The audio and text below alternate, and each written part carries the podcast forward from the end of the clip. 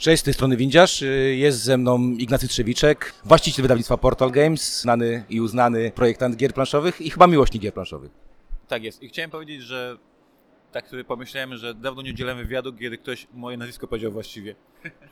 Czyli nie, musiałem, nie musiałeś mieć koszulki, na której jest napisane, jak się, jak się to wypowiada. Dobrze, Ignacy, zaczniemy od tego, jak zacząłeś grać w gry, kiedy zacząłeś grać w gry, wiesz, y, takie, takie gry, o których teraz my znamy, czyli nie tak jak tam gdzieś Chińczyk w domu, tylko faktycznie takie, które teraz my znamy, jak to się u Ciebie zaczęło.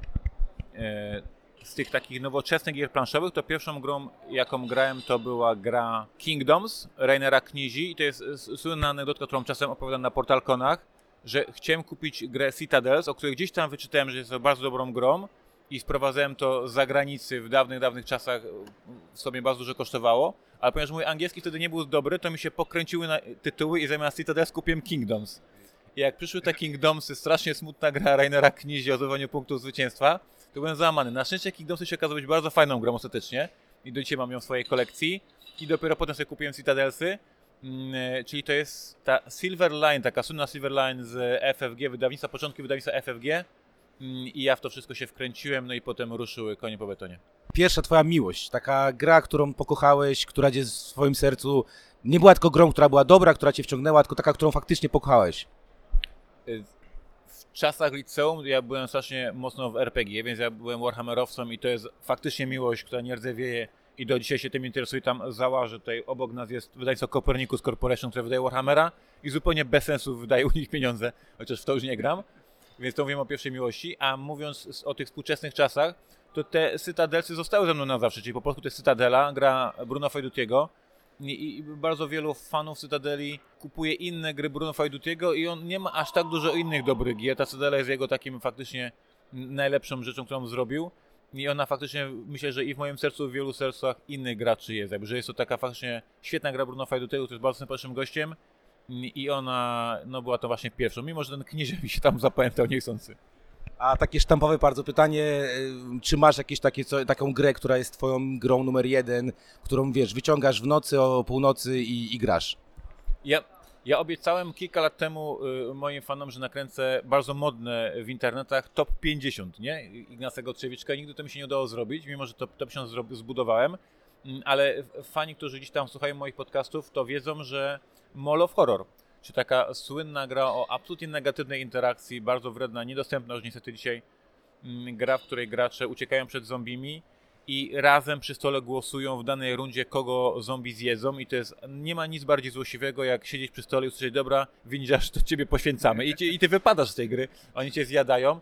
Bardzo wredna gra, w którą jestem dość dobry, jestem strasznie złośliwym, ale dobrym negocjatorem i zazwyczaj wychodzę cało z wszystkich opresji.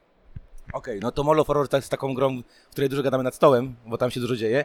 E, a powiedz mi mechanika, jakbyś miał wybrać jakąś mechanikę, jakieś rozwiązanie mechaniczne, które, które też jest takim twoim, takim, które bardzo lubisz. Ja uwielbiam najzwyklejszy na świecie worker placement. E, Ja się śmieję e, na różnych warsztatach o, o grach planszowych, że wszystkie moje gry planszowe mają tylko jedną mechanikę, czyli właśnie worker placement, bo i Robinson Crusoe, i Osadnicy to także jest worker placement, i First Machine, wszystko do czego się tknę to zamieniam w worker placement. Ja zagrałem lata temu, to były początki czasopisma gier planszowych, kiedy wyszły Filary Ziemi. E, Michael Menzel po raz pierwszy gra z Niemiec była ładna, nie wiem czy pamiętasz te czasy, wydawnictwo Kosmos to wydało i wszyscy się w Polsce zakochaliśmy, ta cała strefa geekowska.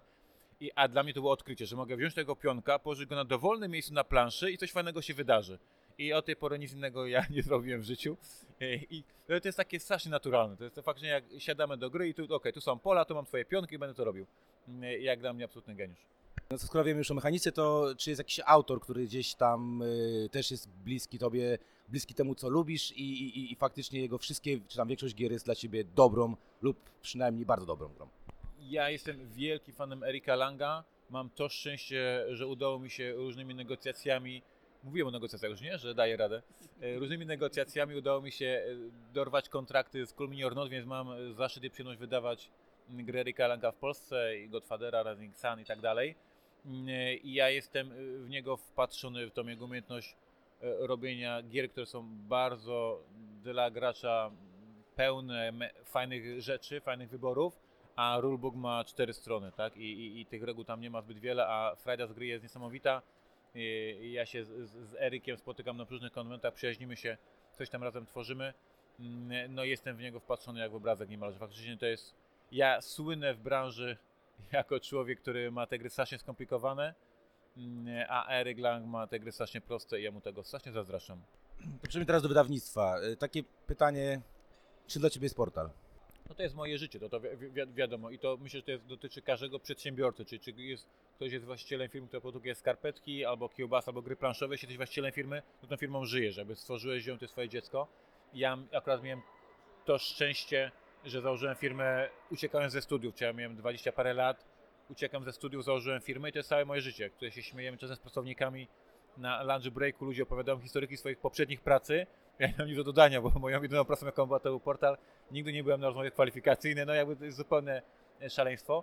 I tak, no i pracuję całe, e, cały dzień, e, moja żona także pracuje w portalu od kilku lat i tak, to jest moje, moje dziecko, moje życie całe.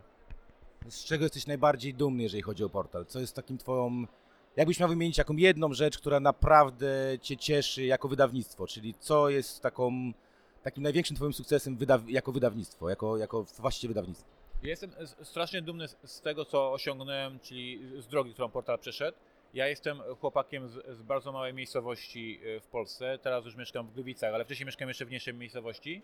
I, I taki, wiesz, chłopak znikąd tak naprawdę jest gdzieś zapraszany do Ameryki na konwenty jako, jako gwiazda, jako gość honorowy, rozdaje autografy. Moje gry są rozpoznawane na całym świecie. Czy jest taki, no, sen absolutny, taki, e, tak jest. Chłopak, chłopak znikąd, pies zrobił firmę, która w Polsce będzie rozpoznawalna, potem pojechał na SN i się okazało, że w Europie też zaczyna być ciekawie, a teraz jest rozpoznawalny na całym świecie. No i jakby wiesz, ja pisałem kiedyś artykuł o, przy okazji Wiedźmina, robienia mojej gry o, o Wiedźminie. Ja byłem tym takim chłopakiem w okularach, co jeździł na konwenty, miał pryszcze i wiesz, i stał w kolejkach do, po autografy do autorów, nie? I ja mam w domu Andrzeja Sapkowskiego Wiedźmina z jego autografem. Ja byłem tym takim małym chłopakiem, co stał w końcu do Andrzeja Sapkowskiego, nie? I ileś lat później się okazało, że ja robię oficjalną grę Wiedźmina, ponieważ CD Projekt Red stwierdził, że jestem najsilniejszym autorem i oni mi to zlecają, nie? Jakbym ja się mógł cofnąć do tych lat 90., kiedy był ten mały chłopak w kolejce stał do Sapkowskiego, mówił, hej gościu, za 15 lat robisz oficjalną grę Wiedźmina. No to to są jakaś masakra, nie? To znaczy faktycznie nie mogłem śnić, będąc tym młodym chłopakiem geekiem, mm, jak się moje życie potoczy i jestem bardzo szczęśliwy. Mm, I tak, i no to z czego jestem dumny, to do czego doszedłem na razie. A na, najgorsza rzecz, która jest w wydawnictwie, czyli taki najgorszy moment, który masz w głowie, który, który gdzieś tam cię kuje i, i chciałbyś y, cofnąć czas i żeby tego wymazać, żeby tego nie było. Wiesz co, ja bardzo dużo na, na, nawywijałem w życiu, mam s- strasznie taki język, co coś tam powiem i potem muszę tego żałować, więc jak sobie twoi słuchacze by porównali, nie wiem jak to mogą zrobić, pewnie na jakimiś i- internetach, ale percepcja mojej osoby w Ameryce, a moja, percepcja mojej osoby w Polsce jest bardzo różna, bo ja faktycznie w Polsce kilka razy za dużo coś powiedziałem, kogoś tam obraziłem, komuś tam przyłożyłem szpilę, z kimś tam się pokłóciłem na forach, i w Polsce jestem rozpoznawany jako znany autor, ale za mnie się też ciągną jakieś różne skandale, co gdzieś tam nawywiałem. E, Tego się nauczyłem, że to jednak nie jest dobry pomysł, żeby się e, wywijać, więc w Ameryce jestem znany jako bardzo sympatyczny, grzeczny gościu, którym się nikim nie kłóci. A w Polsce takiego wizerunku nie mam, więc gdybym e, mógł się cofnąć troszkę w czasie, to temu młodemu Trzewiczkowi, który był bardzo taki, że on się tam wszystkim pokaże, powiedziałbym, że chłopie, uspokój się, jakby po prostu skup się na pracy, a nie na kłóceniu się z całym światem. To jeżeli rozmawiamy o wyda- wydawnictwie, to jeszcze takie pytanie podwójne, czyli największy sukces e, Twoim zdaniem e, wydawnictwa Portal i największa topa wydawnictwa Portal, jeżeli chodzi o grę, którą żeście wydali. Jeśli chodzi o, o wtopę, to ja ostatnio na Portalkonie. Ty byłeś, nie byłeś na Portalkonie? Byłeś? Byłeś. Tam opowiadałem, nie wiem czy pamiętasz taką grę Skoki narciarskie. Adama Kałuży e, nominowany do Jahres za K2, ale też zrobił skoki narciarskie i myśmy myśleli, że to jest świetny pomysł. To była gra, która ukazała się, kiedy Adam Małysz zdobywał różne srebrne kule i był cała Polska e, śledziła Adama Małysza i myśmy wymyślili z Adamem Kałużą, że zrobimy grę o skokach narciarskich, zrobimy furę pieniędzy. Wydrukowaliśmy tego tysiąc pudełek, sprzedaliśmy cztery i, i cały nakład musiał iść na przemiał. I to był taki wzorcowy przykład, że skok na kasę to nie jest sposób na robienie biznesu. Znaczy myśmy sobie wymyślili, że zarobimy dużo pieniądzów, bo Małż jest popularny i zrobiliśmy grę, która nie była zajebista. No i nas pokarało faktycznie. Bardzo cenna lekcja. No, a największy sukces, no chyba ten Robinson jednak, jednak mi się udał. I on faktycznie otworzył bardzo dużo, bardzo dużo drzwi i sprawił, że zacząłem być rozpoznawalny w Stanach, zacząłem być rozpoznawalny w Europie i, i dzisiaj on jest, do dzisiaj jest popularny, dzisiaj się świetnie sprzedaje. Ja nie pojmuję tego, że Robinson jest w naszym topie gier sprzedających się w Empiku, czyli trafia zupełnie do mas. Ludzie, którzy gdzieś tam w Empiku gdzieś słyszeli o grach planszowych i tego Robinsona kupują. Nie wiem, jak oni w niego grają, nie wiem, jak oni przeczytają tą instrukcję, ale no, jest to faktycznie. W 2012 roku się gra ukazała i dzisiaj, 6 lat później, ona wciąż jest w takich naszych absolutnych topach. Wyobraź sobie, że nie ma żadnych licencji na świecie, wszystkie gry są wolne. Możesz wybrać jeden tytuł, który będziesz wydawał jako portal. Jeden. Co byś wybrał? Na rynek polski czy na rynek taki międzynarodowy? Niech będzie międzynarodowy. Portal jest y, znany przecież w Stanach, jesteś w Niemczech. Możesz wybrać jeden tytuł, którym jesteś, jesteś wydawcą, dystrybutorem z wszystkich tytułów na świecie. Wiesz co, by pójść za wątkiem kasowym i pójść na łatwiznę, czy wziąć Ticket to albo Katana. Można pójść troszeczkę geekowsko, wziąć X-Winga. Jest kilka tytułów, które na pewno bym dobrze obrócił i dobrze bym nimi sprzedał. Z gier, które nie myśleć o kasie, tylko o takich które po prostu doceniam, lubię i chciałbym, żeby, żeby był ich e, wydawcą. Też by się pewnie znalazł. Ja uwielbiam, nie wiem czy ty w końcu grałeś, to czy nie grałeś Millennium Blades? Grałeś Millennium Blades? Nie grałeś jeszcze Millennium Blades. To jest niesamowita gra, która ma ten problem, że ma strasznie mangowe grafiki, to ucina gigantyczną ilość klientów. Znaczy widzą mangę i to, to my dziękujemy, a to jest nieprawdopodobnie sprytna gra karciana o tworzeniu talii, o graniu w turniejach karcianych. I jak gdybym mógł z tym Bradem Toltonem, jej autorem, pogadać, żeby wyluzował z tym tematem, zmienił to na zwykłe, fajne fantazy, które wygląda jak Hearthstone, to byśmy chyba tego dużo więcej sprzedali, a ta gra zasługuje na popularność. Bardzo niewielu ludzi o niej wie, a w moim jest top 10 absolutnie najlepszych gier ever. To teraz jeszcze, jeżeli chodzi o wydawnictwo, powiedz mi, co jest najtrudniejsze w pracy wydawniczej? Przecież masz problemy z licencjami, macie problemy z produkcją, są różne rzeczy się pojawiają w wydawnictwie. Co jest dla Ciebie taką najtrudniejszą rzeczą, z którą, z którą musisz się borykać jako, jako właściciel wydawnictwa? No, naszą piętą achillesową, to przed nagraniem teraz rozmawialiśmy, naszą piętą achillesową są instrukcje. I to i instrukcje do gier, które my tworzymy, czyli w zeszłym roku gigantyczny problem z pierwszymi Marsjanami, e, nas kosztował dużo, dużo e, złej krwi i problemów. Ale także robię polskie, polskie licencje, nam się e, zdarzy czasem jakiś babol, więc to na pewno jest nasza pięta achillesowa i to jest coś, z czym my się zmagamy i, i próbujemy ten problem rozwiązać. Natomiast generalnie każdy przedsiębiorca, czyli każdy właściciel gry, e, nie gry, tylko firmy, jest tym świrem, który uwielbia właśnie to zamieszanie, uwielbia prowadzić firmę i codziennie rozwiązywać problemy. Znaczy moja dniówka, codziennie moja dniówka jest wchodzę do pracy i właśnie coś się za przeproszeniem zestrało, coś, coś, coś nie działa i ja jestem tym strażakiem, który to naprawia. Mamy 16 pracowników portalu i z tych 16 pracowników codziennie K, K6, K6 osób ma jakiś tam problem, który trzeba rozwiązać. No i ja to uwielbiam. Faktycznie to jest jakiś stan umysłu, e, który mają tylko właśnie przedsiębiorcy, którzy uwielbiają się właśnie rzucać w te kłopoty i rozwiązywać. Jesteśmy takimi strażakami. Wiemy, codziennie coś się wydarzy w firmie i tak jak właśnie mówisz, albo się okaże, że z Chin towar nie wypłynął, albo się okaże, że kostki dopłynęły i są złe. Rozmawialiśmy wczoraj o etnosie, że się okaże, że tam jest błąd z wybudowymi, problem z wybudowymi kartami i trzeba przedrukować, więc jakby codziennie coś się dzieje, no ale to akurat mnie jara, że jakby ja, ja, ja to lubię, więc oczywiście duże problemy typu instrukcja z pierwszymi Marsjanami to już mnie nie jarało, to już nie było śmieszne, ale taka codzienność to ja to uwielbiam. A e, gdyby nie wydawnictwo, to czy miałbyś jakiś pomysł na siebie inny? Czy widzisz się gdzieś indziej, patrząc z perspektywy czasu? Ja y, siebie widzę, nie wiem czy naród mnie widzi w tym miejscu, ale ja w tym 99, e, e, nie to był 97 rok, w 97 roku ja byłem na studiach, potrzebowałem kasy jak każdy student i wymyśliłem sobie, że będę zarabiał na wierszówce, pisząc. I ja w ciągu tego jednego okresu czasu, tego jednego metaforycznego miesiąca napisałem dwa teksty. Jeden to była przygoda do RPG i wysłałem ją do czasopisma Magia, Miecz i tak się zaczęła moja kariera, ale ja równocześnie w tym czasie napisałem kilka e, sketchy, takich do stand-upów i takich innych rzeczy i chciałem je wysłać do Szpilek, do słynnego czasopisma humorystycznego. A akurat tak się złożyło, że w tamtym okresie, w tamtym 97 rok, Szpilki się zamknęły. I to, co napisałem, zostało mnie na komputerze i tylko wysłałem te materiały do RPG i zacząłem zarabiać na RPG i jestem dzisiaj autorem gier. Ale ja bym się na stand-upie chyba też bym się dobrze czuł. Znaczy, może by się ludzie nie śmiali, ale ja czuję, że bym tam mógł powojować. Powiedziałeś o wydawaniu, o wydawnictwach y, na temat y, Magii Miecz, pan na przykład. Y, Wydawałeś kiedyś y, Świat Gier Planszowych. Czy, czy, czy nie żałujesz tego, że, że ten rozdział jest zamknięty? Czy nie masz tam w głowie, że chciałbyś do tego wrócić? Że jest na rynku jednak mimo wszystko zapotrzebowanie na tego typu produkt? Ja bardzo tęsknię za e, taką formą czasopisma. Uwielbiałem go. Ja, wiesz, całe moje życie robiłem pierw czasopisma Portal, potem robiłem czasopisma Gwiezdny Pirat, potem robiłem czasopisma Świat Gier Planszowych. Ja mam taką ży, żyłkę dziennikarską i uwielbiam takie historie i składanie numeru, wysłanie go do drukarni, odbieranie e, paczek z czasopismem, przeglądanie tego zapachu farby, to ja uwielbiam to. Mam wrażenie, że to już właśnie nie jest czas na, na czasopisma takie, ludzie czytają czasopisma teraz na iPadach i na tabletach. I myśmy się też zdecydowali, że na to czasopismo trzeba niestety zamknąć, ale gdyby się dało zrobić czary mary, to ja byłbym pierwszym, który e, by wydał pieniążki na e, wskrzeszenie tego czasopisma, bo ja uwielbiam zapach farby drukarskiej, to jest coś, co czytelnicy troszeczkę to znają, jak kupują w Empiku, a jak dostajesz paczki bezpośrednio z drukarni, to jest po prostu orgazm, to niesamowite i ja to uwielbiam. Jako wydawnictwo y, patrzysz na Kickstartera, patrzysz na to, co się dzieje na Kickstarterze, na Wspieram to, w Polsce teraz się pojawiło Zagram w to, Łukasza Woźniaka. Jak, y, jaka jest Twoja ocena tego? Jak myślisz, co myślisz o tego typu e, pozyskiwaniu funduszy? Co myślisz na temat takich, takich rzeczy, które się tam dzieją, czyli zamykanie na przykład y, przedwcześnie projektów? Jak na to patrzysz? Jak patrzysz na to jako wydawca?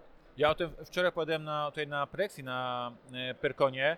Przez kilka ostatnich lat nie przyglądałem się Kickstarterowi, uważam to, że jest jakaś tam, no ktoś tam sobie robi gry, niektóre są fajne, niektóre są niefajne, niektórzy wydawnicy się na to rzucili, niektórzy nie, ja by patrzyłem to tylko z boku. Natomiast w zeszłym roku się wydarzyła bardzo ważna e, rzecz, o czym wszyscy twoi słuchacze wiedzą, czyli ukazała się gra Gloomhaven i ukazała się gra Seventh Continent.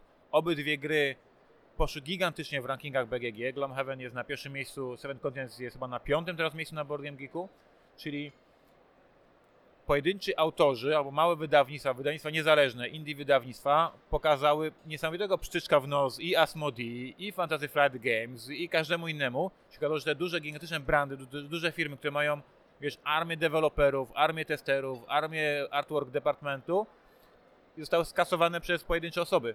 I więc zacząłem się kilka miesięcy temu bardzo, bardzo mocno interesować Kickstarterem, bardzo się przyglądać i faktycznie mam wrażenie, że ta platforma dojrzała i że z tej platformy będzie coraz więcej wychodziło gier, które będą robiły bardzo dużo zamieszania na rynku i że wydawcy muszą się teraz nauczyć jakby reagować na to, że to już teraz nie jest jakaś nisza z boczku indie gier, tylko to jest, może to się faktycznie zamienić w, no, w, w prawdziwą falę i bardzo się zacząłem się tego uczyć. A czy możesz zdradzić jakieś e, plany, których e, jeszcze nie zdradzaliście portalu? Czy masz coś w zanadrzu takiego, co jakąś hektabombę, która wybuchnie i, i portal, nie wiem, wespnie się bardzo, bardzo wysoko w świadomości geeków? Wiesz to my bardzo liczymy na detektywa, o czym wszyscy już słuchacze pewnie wiedzą, że liczymy, że on zrobi dużo, dużo zamieszania. Na, w czerwcu na, port, na, na, na pionku będziemy opowiadali o nowych grach, które będziemy wydawali w drugiej połowie roku, ale, ale mamy fajną grę, którą będziemy ogłaszali na pionku. Mm, A duże zapowiedzi na przyszły rok z portalu będą na portal kończy będą w styczniu. Mam wrażenie, że w ostatnich tygodniach kilka fajnych gier na rynek polski wrzuciliśmy, kilka kolejnych fajnych gier wychodzi mm, i, i czuję się bardzo szczęśliwy z katalogiem, jaki aktualnie posiadamy. Powiedziałeś o detektywie, czyli o twojej najnowszej produkcji, nad którą z tego co ja wiem, wi- mocno pracowałeś przez, przez długi okres czasu, dużo testów. Powiedz mi, jesteś e, rozpoznawalny bardzo w tym momencie. Masz Robinsona, to jest gra, która zyskała bardzo duże uznanie.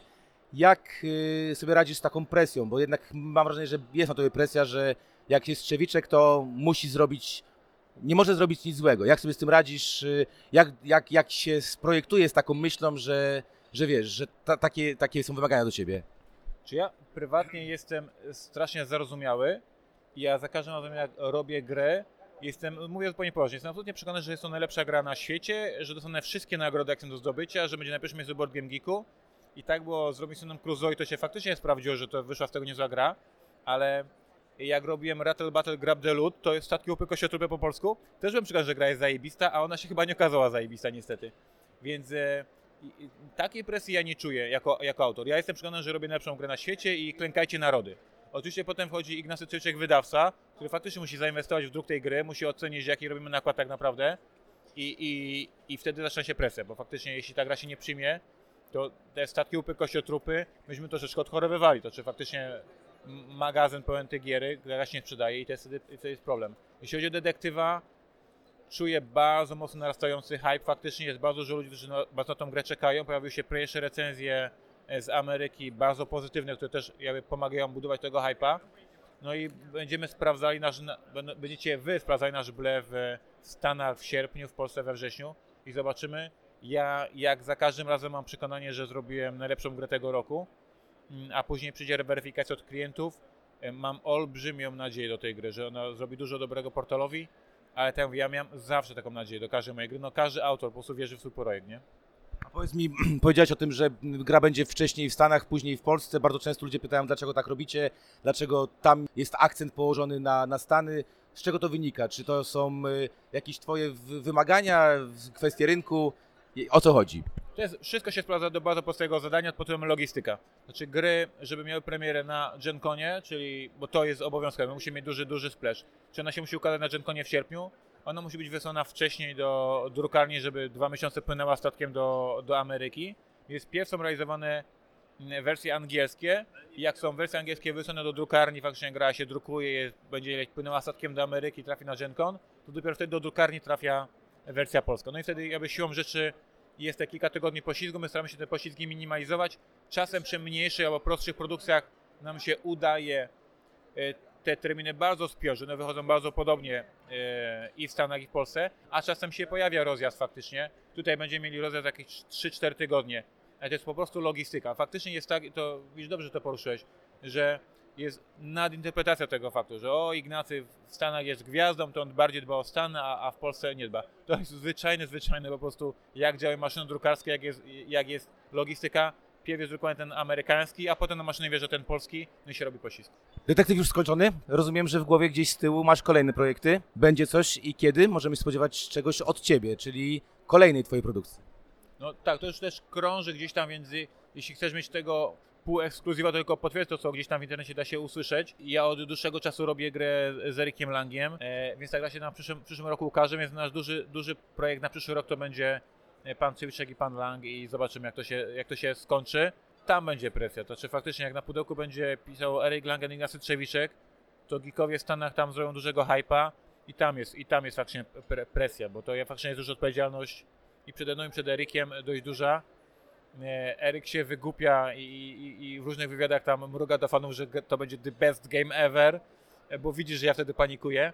No ale to zobaczymy w przyszłym roku, jak to się zakończy. Powiedz mi jeszcze, jako projektant, mówiłeś o instrukcjach, o problemie z instrukcjami, mówiłeś o takim, e, o takim czymś, że no to są wszystko twoje dzieci. Chyba wszystkie kochasz, tak? Czyli jak kiwasz głową, to widzę, że nawet te statki, łupy, kościotropy są, są, są ciebie kochane. Ale jakbyś teraz patrzył z perspektywy tego, te- tego czasu, kiedy już tych gier robisz trochę, to czy coś byś jednak, czegoś byś jednak nie puścił? Na zasadzie nie zrobiłbyś, mimo że w głowie masz, miałeś poczucie, że to jest naprawdę fajne.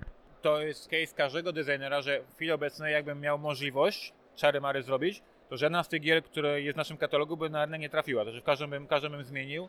I to od zbyt skomplikowanych First Martians, po zbyt skomplikowanego Robinsona, po CTS-ów, którzy mają swoje problemy. Każda z tych gier, ja, ja na nią patrzę i widzę, że masakra, jak ja mogę tego nie widzieć. Ale to jest case każdego, każdego designera. I to są te słynne potem drugie edycje gier, które faktycznie designer jak spojrzy na grę z perspektywy dwóch czy trzech lat, to widzi, że tam jest masa błędów niestety faktycznie. I ja z jednej strony potem mnie fani, wiesz, i gratulują mi, o dziękuję setesów i że super gra. A ja mówię, chłopie, tam jest taka masa błędów, że no dziękuję, że dziękujesz, ale ja na tą grę patrzę i widzę tylko e, problemy. Czasami się takie problemy da naprawić dodatkami. Wielu autorów gdzieś tam potem coś zmienia, żeby to poprawić. Ja słynę z robienia drugiej edycji gier, ale dla każdego autora robienie gry to jest proces twórczy nieskończony. Znaczy do samego końca żyjesz tą grą. My wydajemy promoski do naszych gier. Nie? Ja cały czas, mi cały czas ten Robinson jest w głowie, ja cały czas coś nowego do niego wymyślam, a to, że branża wymyśla coś takiego jak promoska, że ten promocja albo karta promocyjna daje możliwość cały czas tych fanów rozpieszczania i dorzucania nowych regułek, ale tak, każdą z tych gier mam wrażenie, żebym bardzo mocno dzisiaj zmienił, gdybym mógł ją to zrobić od nowa. To na zakończenie jeszcze takie dwa pytania. Pierwsze, czego byś życzył sobie na najbliższe miesiące czy tam rok? Życzyłbym sobie spokoju z instrukcjami. Myśmy opublikowali instrukcję do detektywa na Board Game Geeku i jest cisza. Więc albo nikt jej nie przeczytał, nikt nie chce czytać mojej instrukcji, albo jest dobrze. Ale faktycznie muszę przyznać, i to też mówiłem w jakichś tam wywiadach mm, e, i, i we vlogach, zeszły rok mnie bardzo przeczołgał. To znaczy e, dla was, dla, dla słuchaczy, gdzieś tam historia z First Martian, że tam były problemy, no coś tam się wydarzyło, coś jest, rubek jest nie okej. No dla mnie to było 4 czy 5 miesięcy mordęgi e, i gigantycznego stresu, więc chciałbym, żebym jakiś rok czy dwa lata przetrwał bez tego typu problemów. A czego byś życzył graczom na najbliższe miesiące?